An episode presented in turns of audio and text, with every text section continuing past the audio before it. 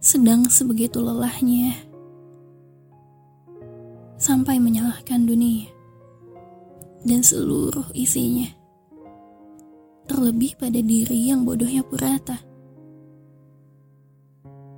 Menyisihkan sedikit bahagia, nyatanya tak berbuah apa-apa.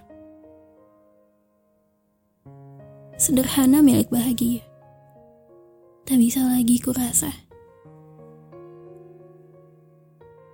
Sedang sebegitu lelahnya, yang dibutuhkan hanya suara tawa dari teman-teman lama.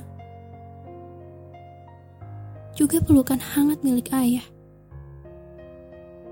Atau kecupan malam punya bunda.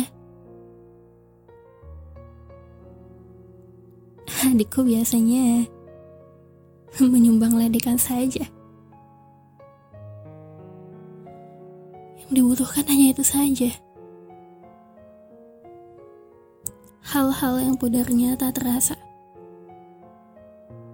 Namun saat ditengok, sudah besar bedanya. Yang dibutuhkan hanya itu saja. Semua yang kini tidak lagi kupunya.